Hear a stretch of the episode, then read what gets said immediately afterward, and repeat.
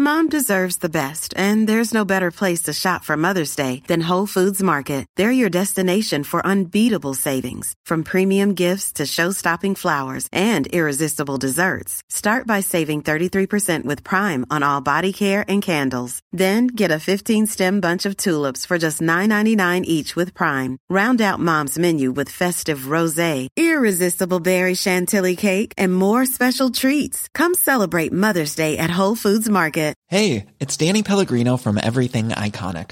Ready to upgrade your style game without blowing your budget? Check out Quince. They've got all the good stuff shirts and polos, activewear, and fine leather goods, all at 50 to 80% less than other high end brands. And the best part? They're all about safe, ethical, and responsible manufacturing. Get that luxury vibe without the luxury price tag. Hit up quince.com slash upgrade for free shipping and 365 day returns on your next order. That's quince.com slash upgrade. Hey there, it's Michelle Norris. I'm host of a podcast called Your Mama's Kitchen. When I travel, I'm usually looking for a way to find a taste of home when I'm not at home. And one of the things I love to do when I am at home is entertain. And Airbnb allows me to do that. When I was in California recently, I rented a house that had a great kitchen. And when we were sitting around the table, we we're all thinking, we're in someone else's house. Someone could be in all of our homes as well. If you have a home, but you're not always at home, you have an Airbnb. Your home might be worth more than you think. Find out how much at airbnb.com/slash host. Er klar for pod, Øystein? Jeg er kjempeklar for pod. Jeg er så motivert av å ut og være i bilhobbyen, og det har jeg vært litt i dag. Ok. Ja da, jeg er akkurat tilbake fra Ollies Raceworks på Nordstrand. Så Aha. det er så godt å kjenne at liksom det er fullt trøkk i bransjen, og det liker jeg så godt. Kjempebra, det. Jeg har skrudd litt i dag, jeg òg. Vinterdekk, vet Ja. du. Oh, Ja, oh, det er spennende. mekking. det er spennende mekking, altså. Gud bedre, Å sette på er vinterdekk, det er det tristeste som du gjør, altså. Ja, ja, det, Det er, er en nedgradering. det gjorde jeg òg for noen dager siden. Ja, En ja. dyd av nødvendighet. Ja. Nei, men vi kjører pod. Ja, vi gjør det.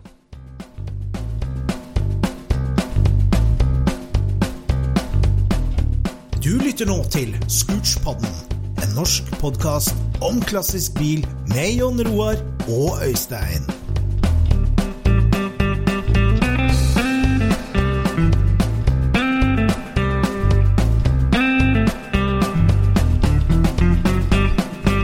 Yes, velkommen til en ny episode i Scootspodden. Eh, vi nærmer oss eh, ettårsjubileum òg snart, vi andre her. Ja, på hvert fall når vi begynte, ja. Ja, eh, ja, ja, det ettårsjubileum for når vi begynte har vi jo nesten passert. Men eh, første gang vi lanserte på, eh, på podcaster òg, eller episode 52, da. Eh, det er ikke lenge til. Nei, det er sant. Det er sant. Det, Merkelig hvordan det Ja. året her har gått. Det har vært et rart år i mange henseender, egentlig. Ja, det har det. Det har det. det ja. For når vi starta, eller når vi la ut første episode, så vi visste jo ikke hva som venta oss i mars, i hvert fall. For, sånn, for eh, året. Så jeg vet ikke om koronatid og holde deg hjemmetid og ikke reise til utlandet-tid og ha hjemmekontor, hva det betyr for folks interesse for podkast, da, men det, Jeg tror jeg kan slå begge veier, egentlig. Det kan slå begge veier. For jeg er i hvert fall overbevist om at uh, pendlertida til og fra jobb er yndig lyttetid for mange podkastlyttere. Ja. Og, Og så er det jo mindre roadtrips enn før, tenker jeg da. Ja, det er det. Det er sant. Og hvis du kjører roadtrip aleine, så er jo pod kjempebra, da. Ja, det er jo det. Mm. Vi har jo en trofast lytter fra, som pendler mellom Brumunddal og Inderøya, og han eh, får i hvert fall Østerdalen til å gå lett med, på, med scootspod, vet jeg. Ja. Og, og andre podder. Mm. Ja. Ja da, i kveldens episode så skal vi eh, innom litt forskjellige tema, har vi tenkt. Eh, Du hadde jo forslag til et tema som er egentlig altfor stort å ta, ta i bare sånn på sida. Det er egentlig en egen spesialepisode. ja T80-en. T80. Mm. Det er en Du grom Mercedes. Det er en grom Mercedes, designa av Ferdinand Porsche. Mm. e- egentlig den aller grommeste. Det er liksom uh, Ja, den er grommere enn Walkerwinger-bilen nå, den. Ja, den er grommere i måkebilen. Det, det, hvis du ikke har satt deg inn i bilhistorien, så er jo det en Vi, vi kommer tilbake til det. Det blir en egen T80 Scootser. Kanskje, kanskje det er episode 80, rett og slett. Som er Det er så T80. lenge til, ja. Ja, kanskje det er for lenge til, kanskje. Men uh, T80 er, er det ultimate som Tyskland gjorde. Og du kan tenke deg hvis du det, det, på mange Nei, nå, nå er vi i gang med episoden. men, men det er liksom sånn hvis du tar hvis, hvis et land bestemmer seg for å bygge racerbil, og hvis det bestemmer seg for at det kan koste hva det koste vil, og du har de galeste sjåførene og de eh, villeste ingeniørene Og de sletteste og de tommeste veiene. ja, ja. Da, da ut av den der cocktailen der, så ramler T80-en, og det, det er så brutalt at eh, det fortjener en egen scooch på det. Ja, det får vi, vi får ta det seinere, men vi kan jo prate om hvorfor jeg kom på den. Ja, la oss gjøre det. Ja, det kom jo av at denne her eh, rekorden for eh, raskeste serieproduserte bil har blitt tatt nå i helga. Ja. Mhm. Den hadde ikke du fått med deg. Det hadde ikke jeg fått med meg. Nei, for jeg hører podkast når jeg legger om til vinterhjul. Ja, ja, jeg har ikke sjans. Jeg har ikke sjans til å høre podkast mens jeg skrur, men eh, Det går det gjør du. Ja. Det går kjempefint. Eh, nei, det er jo i dine hjemtrakter, i Parump, mellom Las Vegas og Parump, så er det jo noen Ja. slette veier. ja, Parump, sier jeg. Parump. Amerika, Parump. Parump. Ja. Det er sånn promp. Ja, ikke sant? Ehm, Der har de jo eh, nå i helga testa en bil som har det klingende navnet SSC. Mm. SSC, men det er ikke den raskeste serieproduserte bil. Og SCC, SSC, er det en uh, serieprodusert bil? Eh, ja, de har uh, laga ti stykker av den, og de skal lage 100. Så de tester en av de, en av de første kundebilene. Men den heter Ja, Elbil, da, eller? Nei, den er, det er en vanlig fossilbil, det. Så den heter ja, Tuatara. Tuatara. SSC Tuatara. Ja, er det en sånn type Königsegg-sak der? Ja, den er litt sånn, men den er den, eh, den er akkurat eh, like avansert, men den har mindre liksom, eh, vridning mot luksus, kan du si. Så den er mer en, eh, en fullblods racerbil for gata, da. Ok. Så det er liksom karbon, Ja. og det er liksom Det er state of the art, hele greia. Og så sitter en, en V8-er oppi der med twin turbo på 1750 hester. Ja. Det er jo ryddig. Mm. Ve- Veiene ut til Pahrump Jeg var og så på en 34 mil Packard der ute i Pahrump uh, i sin tid. Jeg kan bekrefte at det er midt i ørkenen, og det er helt flatt og helt rett for å komme seg ut dit. Ja. Så uh, sikkert ideelt for uh, The Flying Mile. ja, det var der uh, Königsegg var, og så satte den eh, samme eh, rekorden, tror jeg. For de var, eh, det? det var rundt Las Vegas, de var også. Yes. Så det der er et sånt eh, strekk hvor, eh, hvor du kan kjøre full gass eh, lenge. Men han sier jo det, han eh, som eh, var designeren de intervjua på den poden jeg hørte. Og han sa det at det Mm. problemet var ikke egentlig å komme opp i hastigheten. Nei. For de nådde 240 miles på under en mile. Ja. Akkurat. Eh, men eh, problemet var at det brukte to og en halv så lang strekk på å bremse ned, for du kunne ikke begynne å bremse i de hastighetene. Du måtte gå rolig av gassen. Det nytta ikke å bare begynne å bremse, fordi at eh, hvis, hvis det liksom stakk av i noe som helst liten retning der sånn, så var det jo over og ut, ikke sant?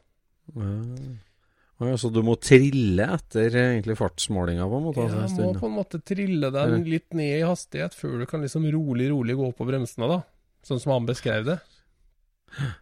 Men den hastigheten de kom opp i da, Øystein, ja. 517 km i timen. 517 km Ja, det er jo småtteri i forhold til ambisjonene med T80-en, men, men for all del brutalt. Det her var ikke noe land i ryggen, da, for så vidt, men uh... Nei. Ja, men Hvilken nasjonalitet er CCS? det er en amerikansk Nei, Det er en amerikansk uh, satsing, det der. der. Ja. Så det er en um, en kar som heter Shelby til etternavn, men det er ikke Carol. Han Nei. er jo godt heden.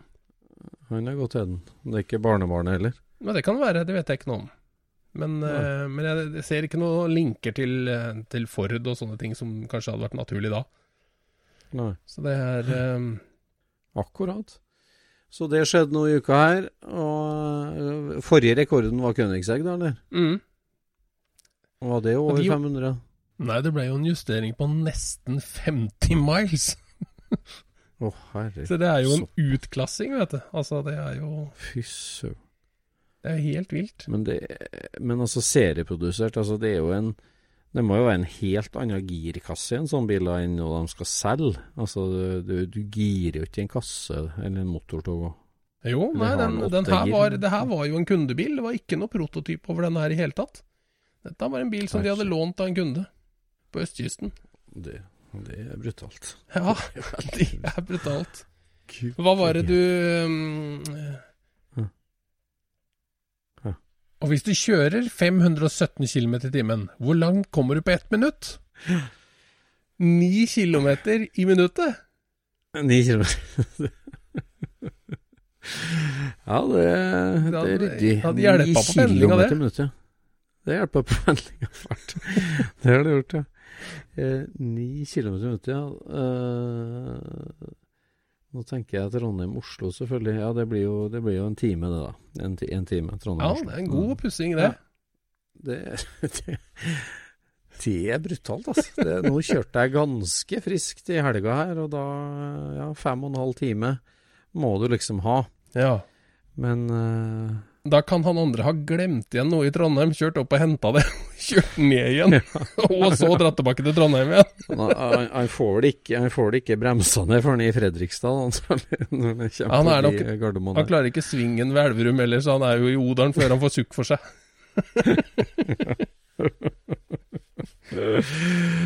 Ja, ja, ja, akkurat.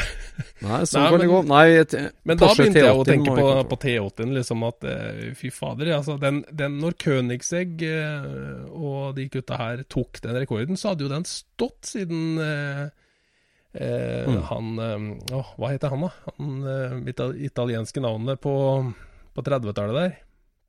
Mm, Ja. Mm, mm, Carpi... Nei, Carpiola? Nei, det heter han ikke. Jo, jo. Ka, ka, ja. Ja. Nei, det der må vi jo Caprisonne, som vi kaller den.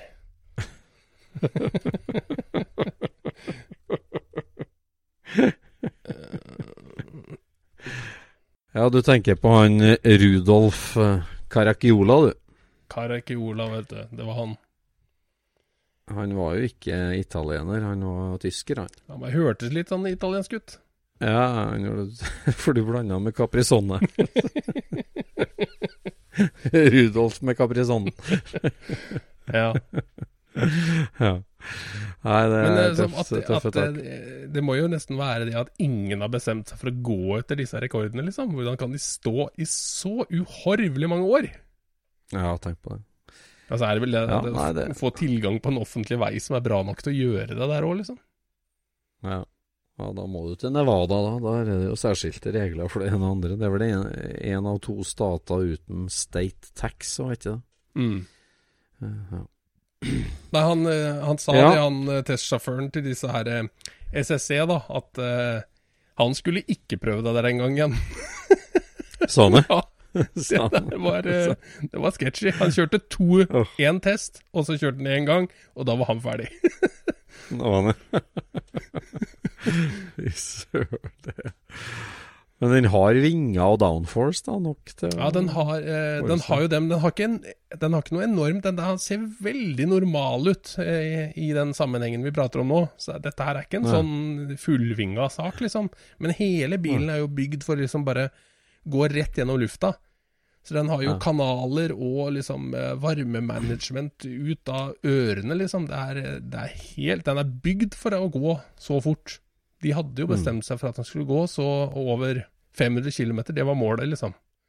Mm. Og som han sa, når han, når han gikk av gassen, så var det den, den aksa fortsatt da han gikk av gassen. Sånn, ja. Ja, ja. Så han hadde bare liksom feiga ut, på en måte.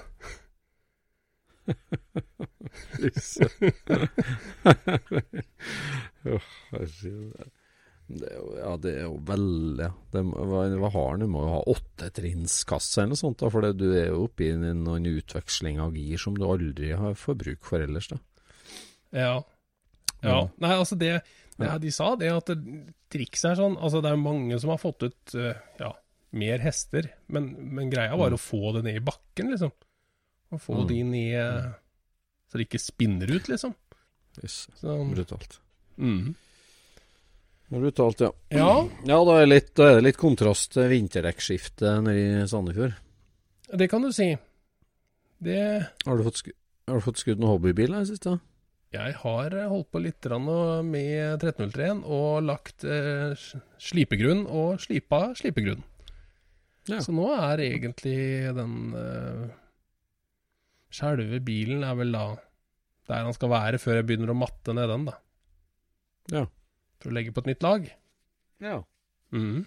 Jeg har jo vært eh, over grensa mens det var lovlig, og henta hjem eh, karosseriet til 46-mannen. Og det, det var så deilig tur, det. Og det var så deilig Det var et veldig hyggelig tur, og det var eh, Det karosseriet ble jo så kult. Ja. Så eh, nå, er, nå gleder jeg meg skikkelig til vintersesongen, altså, for nå nå står chassiset ferdigrestaurert og helt klart, med gummimattene ilagt og dekk og kapsler og alt er på. Det er helt komplett chassis. Jaha. Og så Du har lagt i eh, gummimatta òg? Ja, jeg har gjort det. Den er liksom helt klar. Det er bilfabrikk, klar, dette her. Ja, det er sånn. det er sånn. Så ja, det, det, det er med luftfilteret på og Er hjulkapslene på. Alt, alt er klart. Så det er jo et fullt eh, kjørebart chassis, da, på en måte. Så nå eh, Det karosseriet står jo på bare et sånt trillechassis, så nå eh, henger det Nå har jeg hengt det opp delvis i taket. Jeg har jo løftebord, så jeg kjører trilleren inn, og så kjører jeg løftebordet opp i taket, og så har jeg en krok i taket som jeg henger karosseriet i. Mm. Og så slipper jeg løftebordet ned og ruller eh, unna, og så ruller jeg inn det ordentlige chassiset, og så skal det her passe. Og det, det er jo litt spennende, for at det karosseriet har jo vært eh, alvorlig rustsveisa. Mm. Eh, og bunnplata har jo fått bytta begge gulvhalvdelene, så Mhm. det her har jo aldri møttes før. Så jeg er veldig, veldig spent sant? på hvordan det ser ut. Har du noe triks der, da? For å få disse tinga Ja, sammen? Det, altså Trikset for at det skal passe, er å gjøre en bra jobb på begge delene, uavhengig Ah, av hverandre. tenker sånn, ja. Så. så det Så det jeg, jeg tror jo det passer, men eh, Jeg gjorde jo en sånn mer- greie for å få til dette her sånn noenlunde aleine. Eh, Ja. Da tok jeg og kjøpte sånne M8-bolter som eh, Ja. er sånn 10 cm lange, og så kappa jeg hodene av de. Så Ja. satte jeg fire-fem sånne i karosseriet, Ja.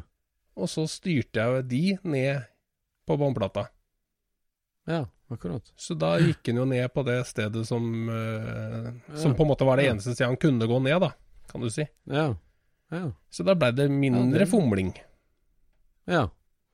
Ja, men det hørtes ut som en god idé. For så vidt å lage deg noen styrepinner mm. som du slipper dem på. Og hvis ikke de går nedi, da er det tilbake til tegnebrettet. Ja, da er det å ta fram større hull. Ja. Nei, jeg håper det er jo alltid det kålinga med gummipakninger og Ja, det der er mareritt, altså. det. Ja, det er noe drit, vet du. Det der, det, skjønner ikke hvorfor vi ikke har begynt med sånn spiker som fabrikken hadde. Så I stedet for å holde på med lim og kåling. Det, ja. ja, for de spikra der sånn, de, eh, de var kule. Det er sånn spiralsmidde småspiker.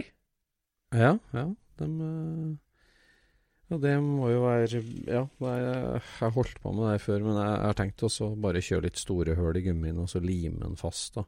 Der strides jo de lærde litt, da, for at jeg har på grubla litt på det, da, for det der er jo en 46, og han eh, Under krigen så Kybelen hadde jo sånn gummiremse der, mm. eh, à la eh, Al har bobla, litt annen profil. En tett profil, ikke en sånn hul profil som bobla har. Okay.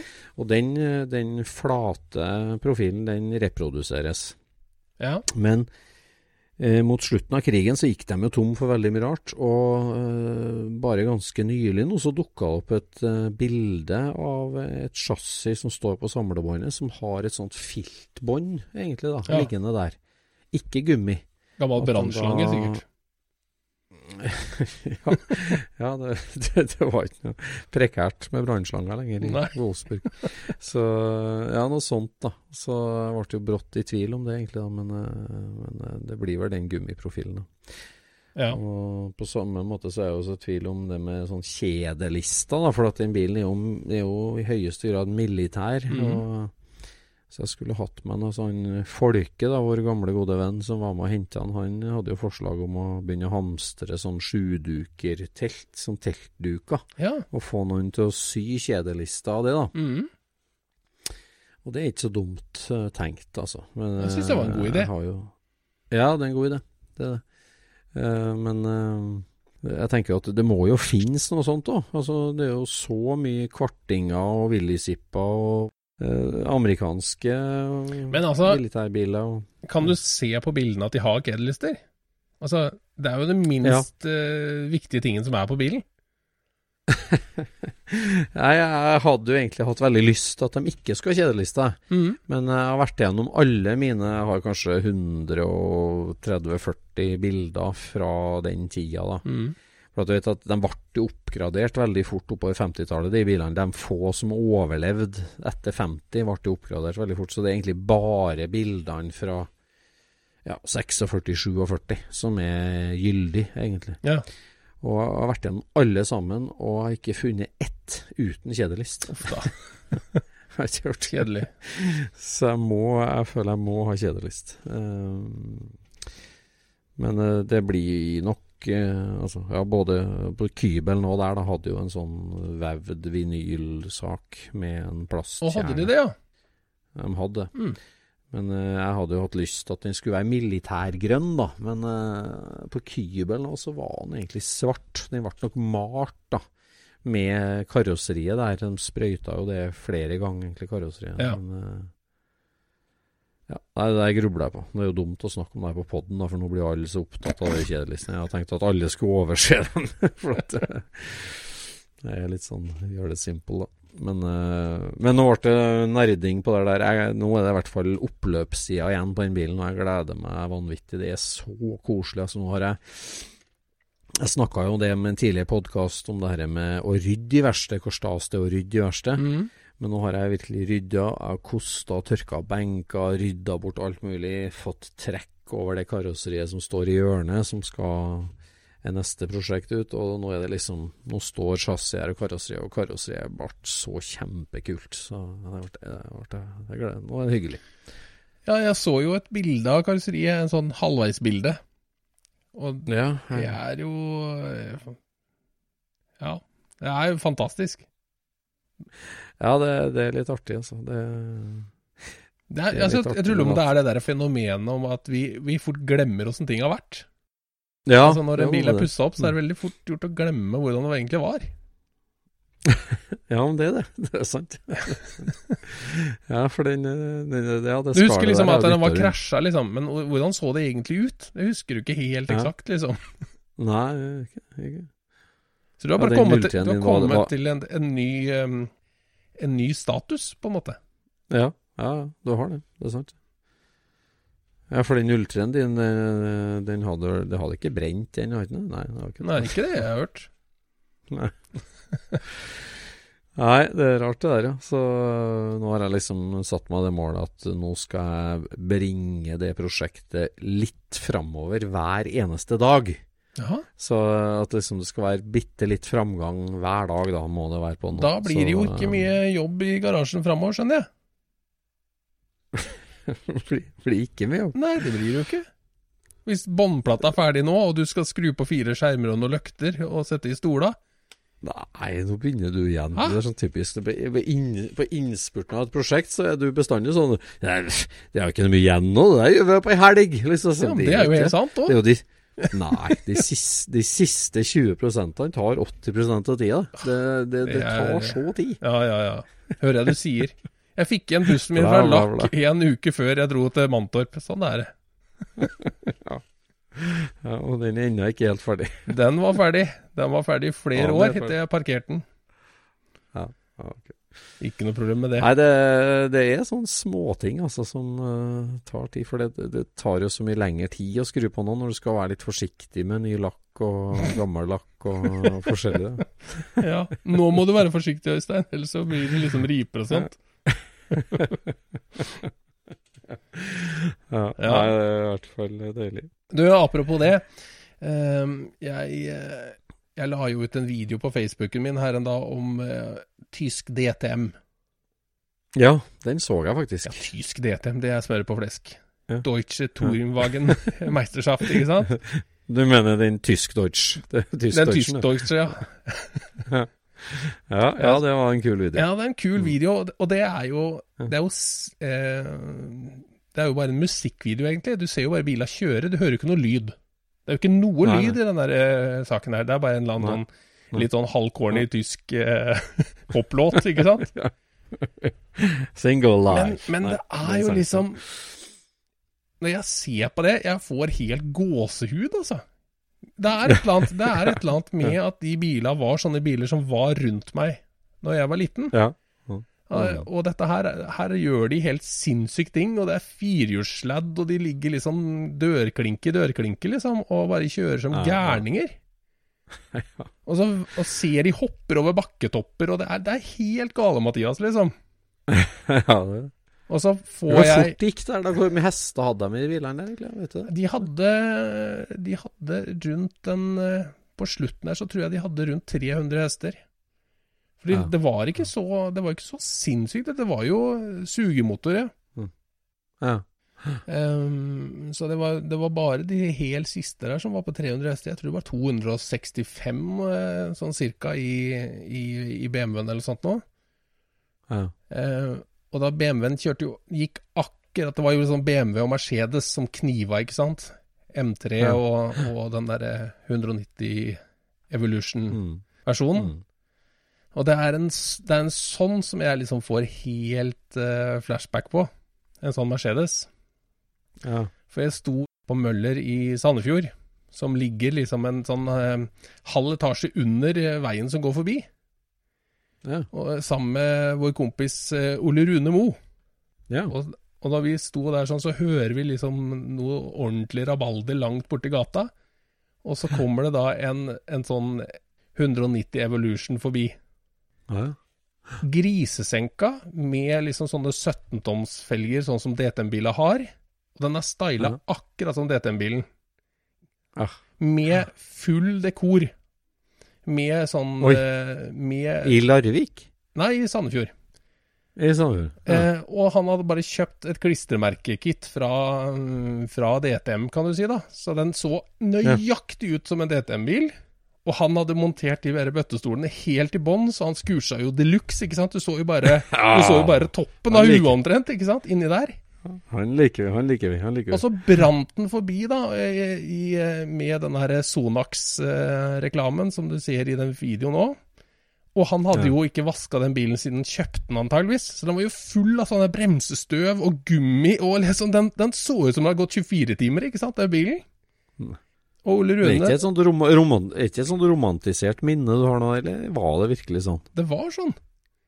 Ja. Men det var jo ikke det, Jeg tror ikke det var en ekte det, det var nok ikke en ekte sånn Evolution, men, men han hadde jo styla den til å se ut som en DTM-bil. Og det at han var møkkete og sliten, det gjorde alt, Ja. altså. Ja, det gjør jo alt det. Ja, så reiv den forbi, men, ikke sant? eh, Og, og, og så er det jo liksom, når jeg, eh, som du sier, romantiserer om dette her Jeg ser jo for Mm. meg at han hadde Varstein-reklame. Ja. Det er det jeg ser for meg at han hadde. Men når jeg, ser, når jeg surfa og surfa og surfa, og de har jo aldri sponsa den der eh, 190-en som jeg kan se. Men, men jeg husker ja, øl, ølreklame. ja, men jeg husker hvordan bilen så ut, og det er den Sonax-reklamen, altså. Som han hadde med Ja. disse stripene og linjene og, og, og sølv og svart. du var så liksom. liten Du var så ung at du kunne ikke lese engang. Nei da, men, eh, men det er et eller annet med at eh, du husker jo bare sist gang du husker det minnet, vet du. Du husker jo ikke Ja. første gangen, egentlig. Du husker bare liksom versjonen som har blitt med deg videre. Til, Huskeversjonen, på en måte. ja, det er huskeversjonen du husker.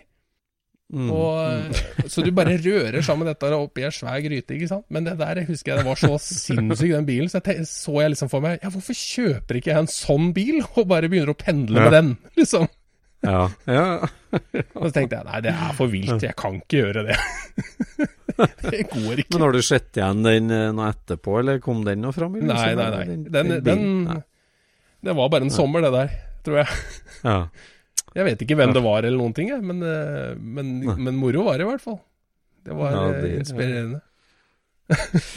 Det, det slår meg jo når du ser det, sånn som i videoen du sendte, at eh, altså, vi er jo Altså, du har jo en del sånne tyske religioner rundt de bilmerkene, altså Mm. BMW Mercedes, og, og vi da som sitter litt på folkevogn Audi-greina, det er så, det er så Det er ikke mye å hente. Det er så leit. Nei, det er så leit at det ikke finnes noe ordentlig. Det var jo folkets bil for, på alle måter. Det, det er klart, alt etter urkatron er jo hyggelig, men, øh, Ja. men øh, Nei, men vi, det, er ikke noe, det er ikke noe periode der. motorsportfirma sånn sett, Nei. egentlig. Nei. Det, I hvert fall ikke som vi fikk se, men de hadde jo Scirocco Cup, og de hadde jo mye forskjellig, som antageligvis var Ja. tøft, men når du ikke ser det, så ser du det ikke, liksom. Nei, det er sant, ja. Det nærmeste kommer er jo når, når Audi A4 var med i DTM. Eller kanskje bare Ja. BTCC de var. Jeg husker ikke helt. Men altså, de, de var i hvert fall De var jo helt rå og kjørte med mot den der eh, Volvo 850 stasjonsvogna og sånt nå. Det var jo faktisk Mm. kule tider, det der òg. Og nå, var nå er det faktisk 20 år siden, så det, det hjelper Ja. seg, egentlig. ja. Nei, det, hadde gjort seg med en øh, hyggelig Audi 80 kupé. Det var noen verstingversjoner og sånt som gikk mot en Capri eller sånn, men øh, det er litt, litt for lite. Jeg husker jo Jeg jeg, husker jeg snakka med han pendleren du prata om i stad her, sånn Mm. Eh, om eh, Jeg syns jo at eh, Miuraen er en så sinnssykt fantastisk bil. Lamborghini Miura. Ja. Det Men jeg ble, ble jo helt utledd av han pendleren. Oh, ja. For de hadde jo aldri drevet med motorsport, og det var jo helt Det, det var helt ordentlig. Det var ordentlig flaut. Tra traktorprodusenten som skulle ta rotta på Ferrari, eller ja. Mm. Mm. Mm. Ja. Nei, nei, han har sine meninger om uh, italiensk. Det er sånn. Ja. Ja da, ellers så var jeg inne om uh, Ollie's Raceworks i dag, ja. Som sagt. Uh, levert og henta noe småtteri. Uh, vi kan jo kjøre reklame for han, altså Ole Valsig på Nordstrand, som driver og har drevet Porsche-motorverksted i uh, en mannsalder. Mm. Som er fantastisk flink. og, og jeg ble så glad når han sier liksom at øh, det har vært helt crazy i år. sånn. I år det har aldri vært så travelt for meg. Oi, oi, Det har vært så pågang. eh, som det, Koronakrisen har tydeligvis gjort at folk både bruker penger og tid på bilhobbyen og, og sagt nei til mange folk. Og det har vært masse biler og her ser du, her står det jo tolv motorer på rad som venter. Oi. Så det var jo så hyggelig, syns jeg, Ja. at, at det er sånn trøkk, da. Ja. Så han, øh, han gjør stadig mer og mer. Nå han jo Han har jo en, en veldig spennende bil i verkstedet som han har hatt i alle år, da, som er en, øhm, en Fasel Vega. Ja. En øh, Chrysler eh, nydelig franskmann. Ja, det er, jo en, det er jo en nydelig fransk bil. Det er jo veldig rar eh, konstruksjon. Det er jo en slags rør Det er jo ramme, litt sånn tradisjonell ramme, da, men den er laget av rør. Å, Eh, og hjuloppheng og, og eh, det er hva slags bil er det du prater om? Hva slags Fasel Vega er det her? Eh, Nei, jeg vet ikke om de lagde så mange varianter. Eller de lagde vel en liten håndfull forskjellige generasjoner bil, da, men de er jo veldig likt bygd opp, alle sammen. Altså, de, Ja, det er den store, liksom. Ja. Ja, ja. Eh, Det er en, det er en Chrysler Remi-motor, men alt annet er jo fransk. Mm. Altså både designet og karosserikonstruksjonen og, og rammekonstruksjonen er jo en, Mm. en fransk bil. Ja. Og han eh, Ole er jo så nøyaktig og flink, vet du, så han, nå har han jo lagd eh, hele gulvet og innerskjermer fram og tilbake fram og bak, fram og bak. Nytt. Mhm. Den bilen, og det, det er jo det som er med sånn lavserie, håndproduserte biler, at den her er jo òg sånn som Rommertsen, lagd på ei kantknekke. Oh, ja. Ei vanlig plateknekke. Ja. Alt du ikke ser, er bare knekt opp todimensjonalt. Oh, ja, ja, er det det, ja? Knekka. ja. Så han har bare skåret ut og kopiert og knekt opp en haug av gebiter, og så har han kjøpt seg kjempefin punktsizemaskin og punkta sammen hele greia, så det ligger der klart, øh, ser bedre ut enn nytt, jeg er sikker på. Ja, ikke sant? Ja, det syns jeg er grom bil, altså. Ja, det er grom bil. Det er sånn Ja, eh. Så- mellomting mellom eh, Hva skal vi kalle det? Jeg syns, det er litt amerikansk design på de. Men det Ja, er, det er det. men det er litt sånn nettere òg, på en måte. Ja, det er det. Jeg syns det, Ja, er- nei, den det er kule er, biler. og så er det jo en veldig eh, besnærende tanke det med, med si, italiensk-fransk design og smekkerhet, men eh, amerikansk både krefter og driftssikkerhet, eller det er enkelt med deler. og Det er jo som han sier, at den Hemi-motoren er jo det absolutt enkleste på hele bilen. Ja, det vil jeg tro. Det gir jo Nei, så der, er- der er det full trøkk i verkstedet, altså. Det, han, det er jo så artig, for han har jo Han kjører jo litt sånn nesten som samlebånd. Så han har ti dynamoer stående som en driv og glassblåse og overhale og kjører i gamle Bosch-testeren sin. Så har han ei rekke på 20 Solex P40, eller P11 40-gassere som står der som han overhaler litt på samlebånd, da. Ja. Så, så trenger du hjelp til primært da firesylindere Porsche, så må du ta deg en tur til Ollies Raceworks, det er sikkert. ja, det kan jeg anbefale. Jeg husker eh, jeg, husker jeg snakka med, med Ole den gangen som jeg overhalte bremsene til bussen. Ja. For da var jeg, hadde jeg jo vært hos han eh, Thomas Ginsell i Strømstad og kjøpt eh, skivebremser fra 911 til Folkongbussen, ikke sant? Ja. Og så kjøpte jeg overhalings... eh, altså pakninger og støvmansjetter og alt sammen. Og når jeg fikk disse delene hjem, vet du, så passa jo ikke disse her um, simringene og sånt. For, det, for det viste seg at eh, jeg hadde jo ikke fått bremser til en vanlig 911. Det var en Nei. Carrera. Oi. Og det var, Så det var Ole som fortalte meg, vet du. Nei, ja, men da, da er det Carrera-bremser du har. Ja, ja, ja. Da Ja. må vi bare bytte de delene. Akkurat. Ja, Så det var ålreit. det var ålreit. Og de står på bussen fortsatt. De står på bussen fortsatt, ja. Mm. Ja, ja, ja. Ja da. Nei, vi snakka litt om, eh, om uh, forskjellige prosjekter. Jeg har jo en artig motor som jeg var nede i uh, Sarpsborg og henta, som har stått uh, Altså, den Det er jo en 56 mile-motor.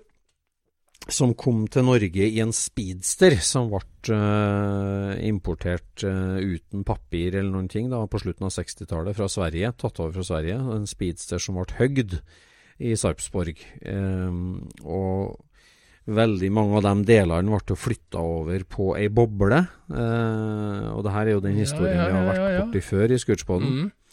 Så kan jeg si at han karen i Sarpsborg da, han tok hjem en speedster fra Sverige, og så hadde han ei ovalboble som han eh, hadde kjørt eh, Som han hadde kjøpt som racerbil. Den var jo bygd før det, den eh, med fire forgassere på. Mm. Så plukka han ut det og satte inn Porsche-motor, Porsche girkasse, Porsche bremser, Ja. instrument, ratt. Flytta han over fra den speedsteren. Ja. Og, og den motoren har jeg da. Jeg har, jeg har både bremser og girbokser, men motoren har jeg, og den eh, Det er jo en veldig original og hel 56-motor med Zenit-gassere på. Ja. Og Zenit eh, 40 mm, de er jo så utskjelt og mobba i Porsche-miljøet. Jeg skulle akkurat til å si det. Eh, ja. Alle bytter jo til Solex, og nei, de der rare, store Zenitene, det er ikke noe å satse på, liksom. Nei.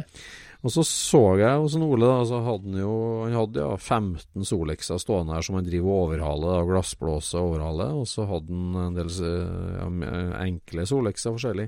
Og så har han liksom sånn veldig herlig gammel eh, stålskuffeskap, da. Mhm. Og der hadde han liksom eh, de- forgasserdeler. Så står det liksom Solex 28 mm, Solex 32 PBIC, og så står det Solex 40 P1140, Mm. Eller altså, P11, og så står det Zenit. Ja. Så sier jeg jøss, øh, du har til Zenit, og du jobber med Zenit, og ja, ja, det, det er den mest oversette gasseren i Porsche-historien. Det er sånn, er helt kongegasser, det. Hæ, er det? Ja, den er helt topp. Den er bare gjort Den, den lekker. Den har et lokk på sida som har litt sånn dårlig patent, som gjør at den lekker veldig lett. Mhm. Men utover det så er det en helt fantastisk gasser, sier han. Helt topp, svær. Og så drar han fram en uh, ferdig overalt en, da. Ja. Og det er egentlig litt sånn uh, kul gasser, vet du. For nå er du jo så vant til å se liksom fire trakter, da, to på hver side. Ja. Men den her har jo det, jo det er jo egentlig en Altså, den, er jo, den har jo to spjell og to porter ut, men den har ett svært innsugshøl. Uh, ja. Har den. Ja, så det er en sånn Y-variant der. Ja. Og, og den derre Altså, den, den ene innsugstrakta, den er jo kjempesvær. Den er jo 70 millimeter i diameter. Å, ja, ja. Så øh, med en litt sånn artig velocity stack der, så er jo det litt sånn Så det sitter et, eh, det sitter et plenum under der på en måte for å fordele til eh, Ja. Det gjør det. Gjør det. Mm. det, gjør det. Så jeg må egentlig iverksette litt Men motoren her, tenkte jeg på. Det er jo litt artig å få i gang den. Det har vært med Zenit-gassere. ja, det er artig, det. Så Ollies Raceworks, altså, på Det er utrolig eh, hva som funker hvis du har greie på det, liksom. Ja, det, det er noe med det, altså. Ja, det er eh, Ja, det er rart, det. Det er rart hvor lett det er å forstå tinga når, når du kan. Ja. Men um, vet du hvorfor jeg satte Porsche-bremser på den bussen, da? Det måtte nå være for å få ja, kanskje bremseeffekt, men uh, også boltsirkel, eller? Det var jo bare boltsirkel. Ja, det var det. Akkurat. It's all about the looks. Ja. Ja, det, ja begge deler, da. Men altså, det blei liksom to fluer i en smekk, da. Vet du, å få, få den eh, lille, men eh, store boltsirkelen 5 på 130. Ja, ja. Hva er din det favoritt-boltsirkel, Øystein?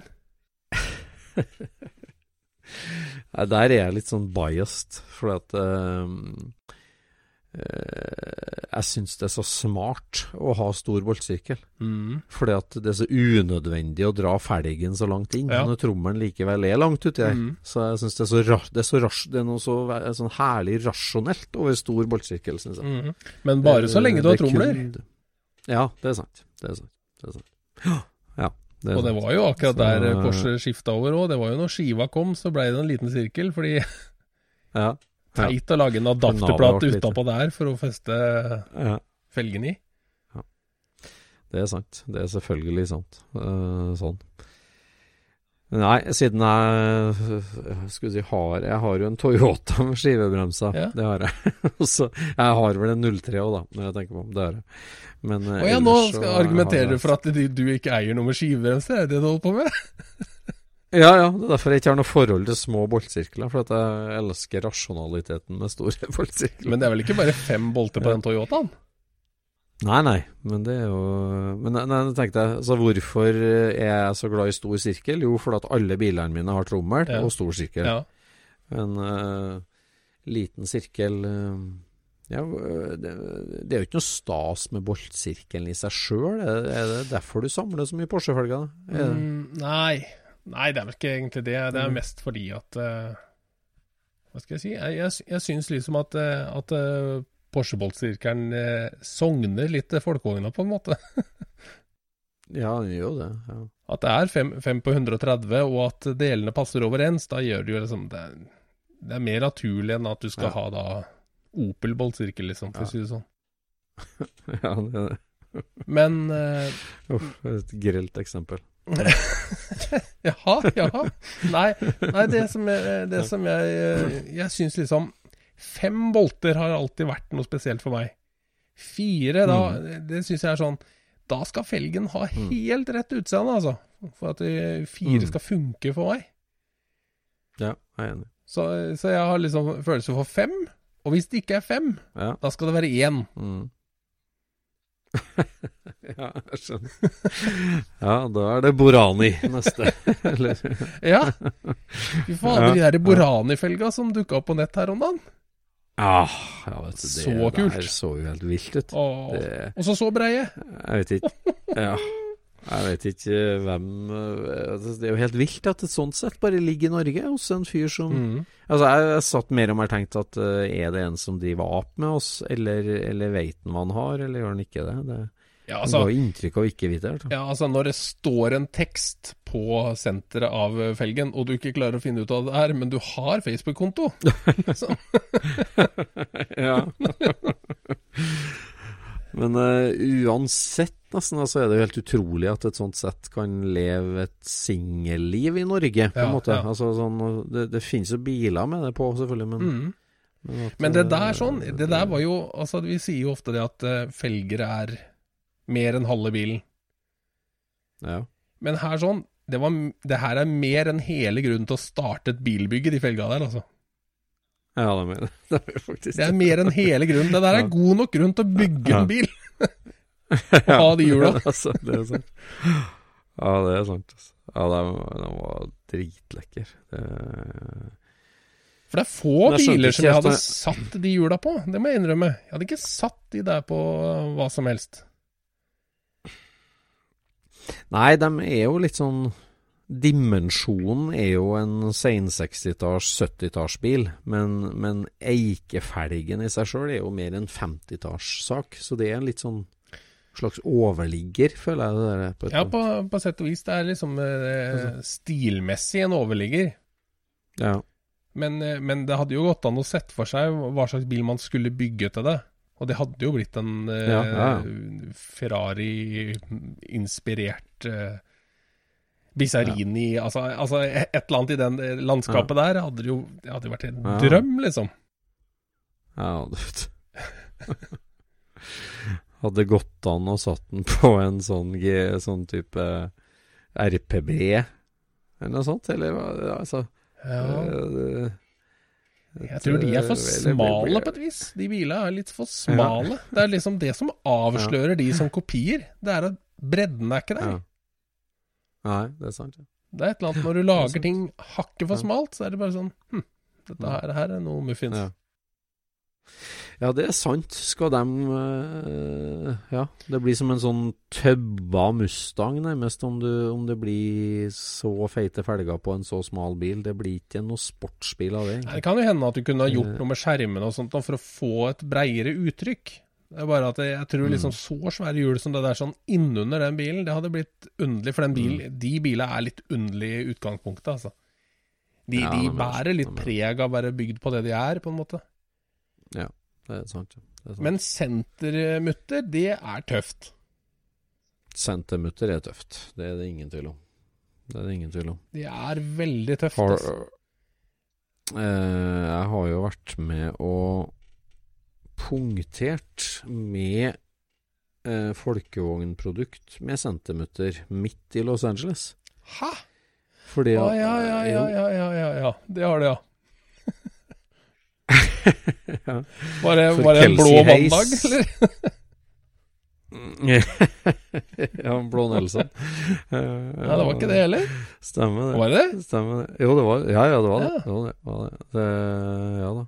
Nei, for Kelsey Hayes var det Jeg skulle til å si at det var amerikanske Borani, men det var ikke det egentlig heller. Men Kelsey Hayes lagde jo troikehjul, har gjort helt siden 30-tallet, 20-tallet faktisk. Og lagde jo et sett til folkevognbasert òg, Mm. eh, der du skrur på et støpt aluminiumsadapter eh, på fembolten, og så får du en eh, sentertut, kan du si, med splines på, som eh, 15-toms eikefelger gikk inn på, Ja. eh, med en centimeter. Og det er jo et ordentlig tøft sett som eh, er veldig sjeldent. Jeg tror det er bare en tre-fire sett kjent i verden av de der der. ja. Eh, og da skulle jeg være med Blue Nelson ja, og kjøre uh, coachbilt til VV Classic. Og så punkterte vi, og så hadde vi ikke centimeterverktøyet. Nei, for det var en Det, eh, en annen- Det er en sånn kobberhammer, eller? Uh, nei, det var en stor sekskant. Og det var det, ja?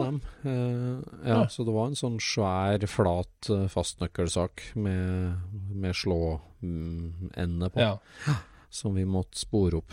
Så, så det var litt show, det der, altså. For å få lagt om til vanlig boble. For jeg måtte jo av med adaptere, og det var ugreit. Men uh, fy fader, jeg, eh, jeg husker at uh, Atle Berg holdt på med kaiseriet på en, uh, en sånn 20-talls Rolls-Royce en gang.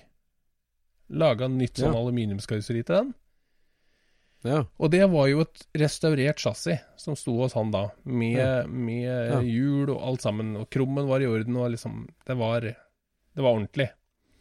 Og da Mm. lå det noe som var på størrelse med en banjo der.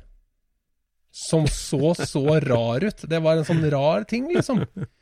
Det var jo da en, en, banjo eh, med et sånt innvendig sekskanthull. ja. Eh, eller kanskje det var åttekant, til og med. Det husker jeg ikke helt. Men i hvert fall, ved sida av det hølet, så var det to sånne hasper. Krumma hasper med sånne små grep for, for tomlene dine. Som dro tilbake disse haspene, og de var fjærbelasta, de haspene. Så de smatt liksom inn mot senter når du slapp dem. Og de var da til å sette på sentermutteren på Rolls-Roycen. Så Mm. dro de de haspene, sånn at han sklei inn eh, over mutteren. Og når du slapp de, så smatt de Mm. inn i et spor rundt mutteren, så at den satt fast inne på mutteren. Den derre banjoen. Ja, ja, okay. Ja. Og så var det en vingmutter i midten, som du skrudde. Og den pressa da inn på senter av Rolls-Royce-logoen, som da forskjøv seg en centimeter inn, og, og løste da ut den innvendige låsen som var inne i sentermutteren. Jøss. Var det sånn? Mekanisk lås? Det var en da? mekanisk lås som var fjærbelasta, som du liksom da kunne Du kunne jo i teorien kanskje trykke den inn med tommelen, da, og så skrudd løst, Ja, ikke sant, men det hadde jo vært supervanskelig å få til. Så dette her var liksom et Ja, gjennomarbeida system som bare og, og den var virkelig på størrelse med en banjo, altså. Det var, det var svært, dette greiene her. Men fy fader, da tenkte jeg liksom Jeg skjønner hvor de penga blir av, liksom, når du bygger bil. Ja, ja fy søren. Det var noe rart at det ikke var For det er jo bare konisk lås på de fleste sånn. At den går i en kon der, ikke sant? Og både sentrerer felgen og låses med det? Nei. Er det Nei, en det mekanisk lås på? Det er noen som har en sånn uh, fjærbelasta, for dette her løsner jo og detter av. Det er jo derfor det ikke brukes i trafikk, ikke sant. Det er, det er jo farlige ting. Ja. Uh, så de har jo eh, De hadde i hvert fall før en sånn fjærbelasta lås som du liksom klyper på, og som, som drar inn et par sånne splinter som går ut utafor mutteren, kan du si. Ja, ja. Som gjør at den fysisk ikke kan skru seg av, da. Men, eh, men det der løses på flere forskjellige eh, måter, vet jeg. Og i dag så selger jo Porsche biler med sånn eh, centimeter. ja. Og jeg er helt sikker på at det er noe Ja, finurlig med de òg. Det er ikke bare å dra til, liksom. Det er, altså, Nei. selvfølgelig drar ut Det Det er jo, de står jo der med de spetta for å dra til disse tinga, men, men det er nok en lås Mm. der òg. Mm. Men det er tøft, altså. Det er tøft, ja. Det er tøft, ja. Jeg husker Jeg husker når jeg var på Daytona 500 med Amcar-visittkortet. Så Ja, da gikk, gikk jeg rundt Da fikk jeg pressekort og gikk rundt på, eh, på indre sirkelen, kan du si, og gikk i, fikk gå i depotet òg, da. Mm. Ikke under løpet, men under oppvarminga og alt sånt. Og da Jeg var jo liksom litt sånn ung og uerfaren eh, journalist. Og det var jo Tok jo inn inntrykk veldig, for det var jo helt ekstremt å stå midt nedi parabolen der, da, som Daytona er. Ja. Den triovalen, og høre de drønna rundt. Du ble jo stående i et sånt episenter på lyd. ja. Og da var jeg liksom rundt og intervjua og prata litt med folk da for å gi litt mer ansikt og liv til en story da om et sånt løp. Og da husker jeg jeg sto og prata med en sånn ung kar som var med i et team der, da. Mm. Jobben hans var jo å stå og limfast jordmuttera Ah, på felgene. ja. han, han sto med en sånn uh, tannkremtube nærmest altså, og hadde på noe sånn guffe som uh, de limte dem på ja, på hver eneste. For der, det er vel en del av det som er stock car, da, at du må ha fem hjulbolter. Ja. eh, Og så har de jo et langt, glatt område ytterst på de. Sånn at når du smekker på felgen, så løsner jo disse, dette her limet. ja. Så mutterne henger jo ytterst på, på tappen. Ja, sånn, ja. Sånn, ja. Men da er de allerede styrt? Da er de allerede styrt inn på, ikke sant? Ja, ja. Og så er det bare, Ja, å- vet mate det på med, med luftrekkeren Ja. etterpå, eller hva nå det er de bruker. Det er Luigi som kjører den der, ikke sant? jo, jo, jo, det Da felte jeg en tåre, skal jeg, på eh, Cars 1. Å? Når det- når han- Jeg syns det var rørende. Ja, ja, ja, når han- når, eh, han- Vespa-trucken fikk lov å Luigi- begynne å, å skru. Ja, ja, ja, ja. Visste gamle kunster. Eller, ja. ja. Det er så kult. Det er en veldig kul scene. Hele, hele filmen der er veldig kul, altså. Det er så Ja, mange er artige små bra. detaljer der, altså. Ja, det er det. Nei, akkurat den scenen husker jeg kjempegodt. Når han, eh, og, så, og, blæser han på muttersjekkeren som en uh, Colt-pistol etterpå. Ja, Blåsa røyken, liksom. ja, ja. ja, det er så kult, det. Fantastisk. Ja, ja. Jeg minner meg på eh, når, når du står der sånn og hører dette lydbildet. Nå for tida så er det jo Mhm. mye leven rundt uh, altså elbil i alt som er av Ja. hobbykanaler. Det er, det er jo at lyden forsvinner. Og det er det jo ingen tvil om. ja, ja, ja. Lyden forsvinner Nei. jo, og det blir jo noe helt annet, liksom. Mm. Og så, og så slo det meg når jeg hadde sittet og sett den derre DTM-filmen. Der er jo ikke lyden med. Nei, Der hører du bare musikk. bare musikk. Så bare begynte jeg å lure på altså sånn, Tenk deg sånn uh, Rudskogen-setting, liksom. Mm. At du har en scene inne på banen, og da, der står Mm. og spiller. Og så er det motorsport rundt scenen. Ja. Altså at at det Ja. blir mer altså de, At du kan, siden det er én ting som er liksom frigjort, så kan du fylle den med noe annet. Ja, ja, ja. Nei, bare, det var liksom sånn hm, Det her har jo aldri noen tenkt før, for det har jo ikke vært mulig før å gjøre noe sånt. Nei, nei, nei. Jeg vet ikke. Nei, men der, der tror jeg Der har vi diskutert før en gang, og du, du må egentlig gjenta Der, der har jeg veldig sansen for din filosofi på hvorfor vi tiltrekkes den lyden på en måte i dag, da. Ja, det, denne her sa- med Hva er, det dette for noe? Pavlovs hunder, er det det? Ja, mm, Ja. nettopp. Det er jo selvfølgelig mer enn det jeg mener der, men, men for å ta det, da, så er det det at eh, jeg mener at lyden representerer fart for oss. Altså Ja. at eh, akkurat som en hund hører at du klinger i skåla, så representerer Ja. det mat, og så blir den fornøyd. Ja. Så derfor så liker den lyden. Ja. Og når vi hører en bil som går som et svin, så Mm. får vi goosebumps, og det er ikke av lyden egentlig, det er fordi at vi ser for oss hvor fort dette her går. Mm. Og når den tingen, Det- når den tingen forsvinner, så betyr det ikke at det er kjedeligere å sitte i bilen, Nei. men det blir kjedeligere å øh, Altså, det er vanskeligere å få innlevelsen, da. Fra utsida, kan du si. Ja. Så det der Ja, eh, nei, jeg, jeg tror det er at Jeg vi er det forelska eh, i Vi er forelska i liksom å oppleve fart, sjøl om vi ikke er med på det sjøl. Mm, mm. Ja, altså se en bil kjøre fort, eller, eller drømme deg inn i bilen der G-kreftene river i både ryggen og, og sidene, liksom, og, og Mm. lyden fremkaller alle de følelsene der hos oss. Det er klart så kan du jo si at, at eh, en vakker motorlyd er, er vakker i seg Det er den jo. Absolutt ingen tvil. Det, det er den jo. Det er den jo. Eh, Men, men, men, men du kan jo si det sånn at du har jo hørt den der BRM eh, V12 Loudpass, nei V16 Loudpass. mm. Det er jo, det, er jo det råeste som finnes på internett, den, den lyden.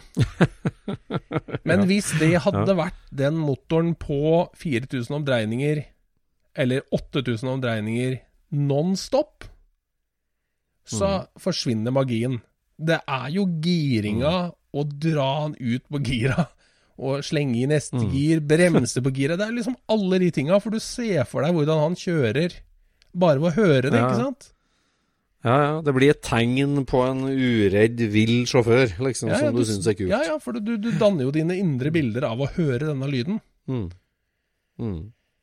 Så, så jeg, jeg tror at uh, motorsport blir ikke nødvendigvis kjedeligere inni bilen. For inni bilen, så er, der er lyden et slags sånn tilbehør til det som skjer rundt deg, og de ville tinga du gjør, kan du si. Mm. Men fra utsida ja, så blir det det helt annet. eh, Jeg syns den der katte-hunde-parallellen er veldig riktig. Vi har jo katter her, og når du rister på matboksen, så kommer de tvert. Og de er jo ikke noe glad i matristebokslyden. Det er jo maten de er glad i. Ja, ja, det, ja, det er jo det. Men, men eh, så det, det der er, det er et godt bilde der, der altså. Apropos det, så snakka jeg med en rallycross-kar her forleden, og alt som skjer med elektrifisering av rallycross, og der det var jo snakka om før og Mhm. sånt, men det, det, det derre vedtaket på Gardermoen, det blir bare rarere og rarere. altså. Hvilket at, vedtak? eh, At norsk, at norsk dragracing sier at uh, i motorsporten vår så er det forbudt med elbil. Det er bare så rart, det. Det, det, altså det, det er helt merkelig å, å gå ut med. Altså En ting er at de gjorde det tidlig, men nå når det skjer så fort og skjer riktig liksom, All motorsport går jo i den retninga. Uh, og da bestemme seg for at nei, vi skal bare isoleres på øya her, vi. Ja, du har liksom hørt om uh, historien om Don Shot? Ja. Han, eh, Quijote. ridderen som slåss, som. Ja, slåss mot vindmøller. Altså, ja, I overført betydning slåss mot fremtiden, da. Altså, det Ja, ja. er jo Mm. meningsløst å drive med. Det er meningsløst å drive med. Altså, det er på If you can't beat them, join them, er jo liksom greia. Hvis, du ikke, Mm. hvis ikke dette her fortsetter inn i fremtiden, nei, så gjør det ikke det. Det er liksom lite én person kan gjøre med det. Det er lite 10 000 kan gjøre med det òg. Ja, det det. Men så lenge vi har hobbybiler og får liksom holde på som vi vil, så er det greit. Mm. Men alle, Mm. alle de menneskene som ikke har noe forhold til bil, de må bare Mm. gjøre som staten vil, altså. Ja, Sånn at ikke vi får som ikke staten vil, Hæ? sånn. Ja, som, som utviklinga den, altså, Utviklinga er jo alltid Eller stort sett, da. Mest mulig rasjonell. Det er som, som vann som alltid søker mot det laveste Ja, det det. punktet. Så, så er en, en, en form for teknologiutvikling går i den mest rasjonelle retningen. Det, det, er ofte sånn. Ja. At, øh, og da Så lenge det er billigere og enklere og renere med elbil, så går det i den retningen. Det, Ja, og, det, og du kan jo si at eh, de hadde aldri drevet med disse insentivene hvis det ikke det var for at de så at så fort vi er over kneika, så går det av seg sjøl. De sier jo Mm. ikke liksom for at de skal drive med insentiver inn i all evighet, liksom. Nei, nei. Ikke for insentivenes skyld, nærmest. Sånn. Nei, nei. Men nå, er, nå er, snakker vi om elbil. Det skal vi ikke gjøre Vi ikke skal snakke om i Det skal vi ikke snakke om. Eh, Vi kan, men vi kan godt snakke om lyd. Det er, eh, Ja, det er det eh, Ja. Et superviktig eh, Altså, bare det å høre lyden av kule biler er jo veldig mye av opplevelsen. Så jeg Ja, husker vi snakka om dette her, også arrangere et treff hvor du ikke så bilene, bare hørte de. Ja, ja. Ja. ja. Det var, jeg var også Ole, Ole nå, ikke sant. Ole han har jo en sånn Merlin Merlin tanksmotor. Tanksmotor. Ja, ja, ja, ja. En sånn V12-sak. Den heter ikke Eh, Merlin, den heter Centurion, er det ikke noe sånt? Jo, det kan hende, kanskje. Merlin var de Altså, som det, var i det er jo flyet. en fei... Ja. Mm. Det, jeg, tror, jeg tror det er en tanksmotor. Altså en V12 Meteor heter den. Meteor heter den. Meteor, Ja, ja. det er sånn det er. 8-9 liter V12 tanksmotor. Og han har jo sant, fullt stativ, han har rigga startpanel, og den er sveisa opp i stålramme som er lakkert og flott, og som med hjul på, du kan bare trille den opp på en henger og ta den med rundt på treff. Ja. sant? Og, så, og det, er jo, det er jo bare ei lydmaskin. Det er jo Ja, det det er. Det er jo, det er jo bare Altså, den flytter jo ikke på seg. Du, hadde du hatt på deg 100, 100 hørselvern, så hadde du ikke visst om den gikk eller ikke. Det er vært akkurat samme objektet foran deg. ikke. Så det var liksom sånn Det er jo bare lyden en lydskulptur, Ja, rett og slett, som man kan seg. Jeg husker at han um, Å, nå har jeg glemt hva han heter. Heter han Bengt, eller? Er en, en svenske som har restaurert en cab i Sverige. En, en boblecab. Som også driver med hotrod. Holdt på i 15-20 år med å restaurere den der uh, boblecaben. I hvert fall da, så bygde han seg en hotrod Ja. med en sånn En Lasse Mix. Nei, nei, det er ikke Lasse Mix. Nei. nei. Nei. Eh, Ja. Han bygde seg i hvert fall en hotrod med en sånn meteormotor i. Ja, det tror jeg Ja. husker på. Ja. Og han Mm. starta den uten eksosanlegg og uten karosseri inni garasjen sin med kamera stående på stativ. Det var jo en liten sånn uh, dobbeltgarasje, ikke sant, med pappeske på hyllene og en del greier langs gulvet rundt forbi. Og når han drar på de greiene her, og pappeskene flyr opp i taket, opp aviser og ark og alt mulig bare flagrer Det var visuelt, altså, Øystein. Det var, den lyden, den kunne du se. Det. Den kunne du se, altså. Ja, det, blir som, det blir som dem som filmer brusglasset sitt når topphylerne drar Ja, av gårde. Det er jo artig filma. Det er lyd du kan se. Det er lyd du kan se, det er sant. Ja, han Ole har jo en eh, drittøff stjernemotor han jo stående, som er neste sånn prosjekt for å få inn i sånn stålram og oppstartsgreier. Ja vel? En ordentlig tøff en. Ja. Eh, Fra et fly. Ja, sånn Men oppstartsbedrift, da. Jon driver Ja, det er akkurat det. Um. Norsk startup, Før da startup. Norwegian startup Ja Man må søke Innovasjon Norge han om fond, Ja, ja, ja. funding. Ja. Eh, før dagens episode tar slutt, så må vi snakke om Patrion-systemet vårt. ja. Det er kult. For det, det etablerte vi jo for et par uker siden, og det, det Ja, faktisk så har det ligget der lenger, men vi har jo aldri nevnt det, så det er jo liten sjanse for at folk finner oss òg. Ja. Men hvis du går inn på Patrion, patreon.com, og søkes Patreon. Ja. P-a-t-r-e-o-n. Ja. Du går inn der mm. og søker på Scootspod, så, mm. så finner du oss, og så kan du da Ja. eh, sette en sum, og den minste summen der er vel fem euro per måned. Ja. Eh, som du da donerer til eh, Til den norske bilhobbypodden. Ja, For at det er jo ikke lukrativt å drive norsk bilhobbypod. det er et tapsprosjekt. Eh, Det er et tapsprosjekt, og vi ønsker oss jo eh, mikrofoner og reiseutstyr og lyddempingsutstyr og forskjellige greier for å kunne gjøre eh, mye mer sånn on the road-type reportasjer og opplegg, så vi slipper å sitte i ja, lydtette rom, at vi kunne gjort litt mer sånn. Så vi ønsker oss mer muligheter der, også, og redigeringsprogram og forskjellig. Så, så det å være med og bidra til at Scootspoden kan bli enda noen hakk bedre, Mhm. både innholdsmessig og kvalitetsmessig, det, det er vi veldig glad for. øh, For, for det her er bare et hobbyprosjekt. Og hvis du blir patron, så er du med og gjør Scootspoden bedre. Absolutt. Og mm, noen som har valgt å støtte oss allerede, det er Steinar Trones. Ja. En av brødrene. En av brødrene Trones. På, eh, Ja.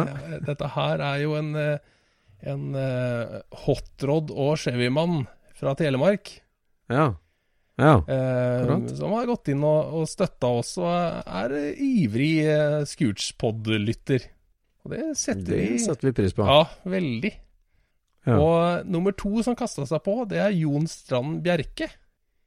Ja. Det er jo en, eh, en kar fra Tønsberg som gjør comeback i folkevognhobbyen. Han har jo aldri solgt biler, men nå tror jeg det har vært mye jobb og familie i flere år. Så, så nå er det liksom Han henta fram eh, folkevogna etter å ha hørt et par episoder av Scootspoden.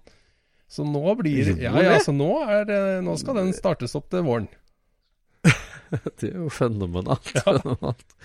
Ja, har vi jammen meg påvirkningskraft, da, med Ja, ja, ja, Det er ja, det helt utrolig, vet du. Ja. Og, si- Så og sistemann, for det er tre så langt, ja.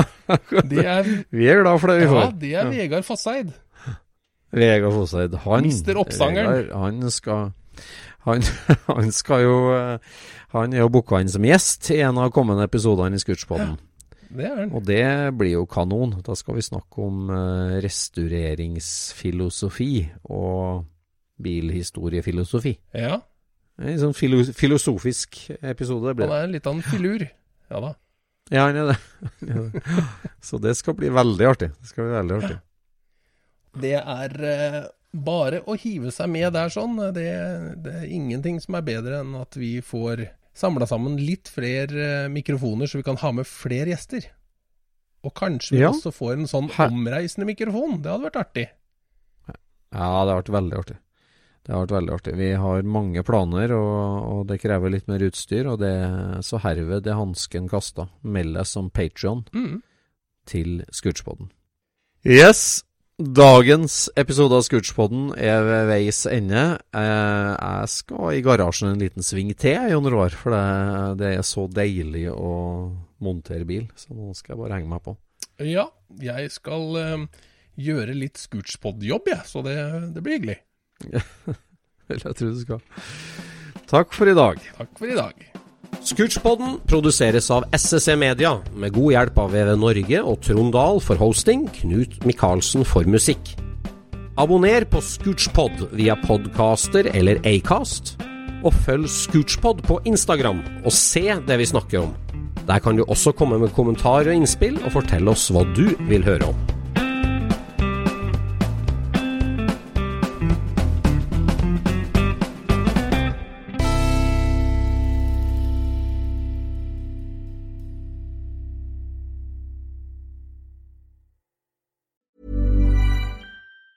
Planning for your next trip? Elevate your travel style with Quince. Quince has all the jet setting essentials you'll want for your next getaway, like European linen, premium luggage options, buttery soft Italian leather bags, and so much more. And it's all priced at 50 to 80% less than similar brands. Plus, Quince only works with factories that use safe and ethical manufacturing practices. Pack your bags with high-quality essentials you'll be wearing for vacations to come with Quince. Go to quince.com slash trip for free shipping and 365-day returns. Mom deserves the best, and there's no better place to shop for Mother's Day than Whole Foods Market. They're your destination for unbeatable savings, from premium gifts to show-stopping flowers and irresistible desserts. Start by saving 33% with Prime on all body care and candles. Then get a 15-stem bunch of tulips for just $9.99 each with Prime. Round out Mom's menu with festive rosé, irresistible berry chantilly cake, and more special treats. Come celebrate Mother's Day at Whole Foods Market.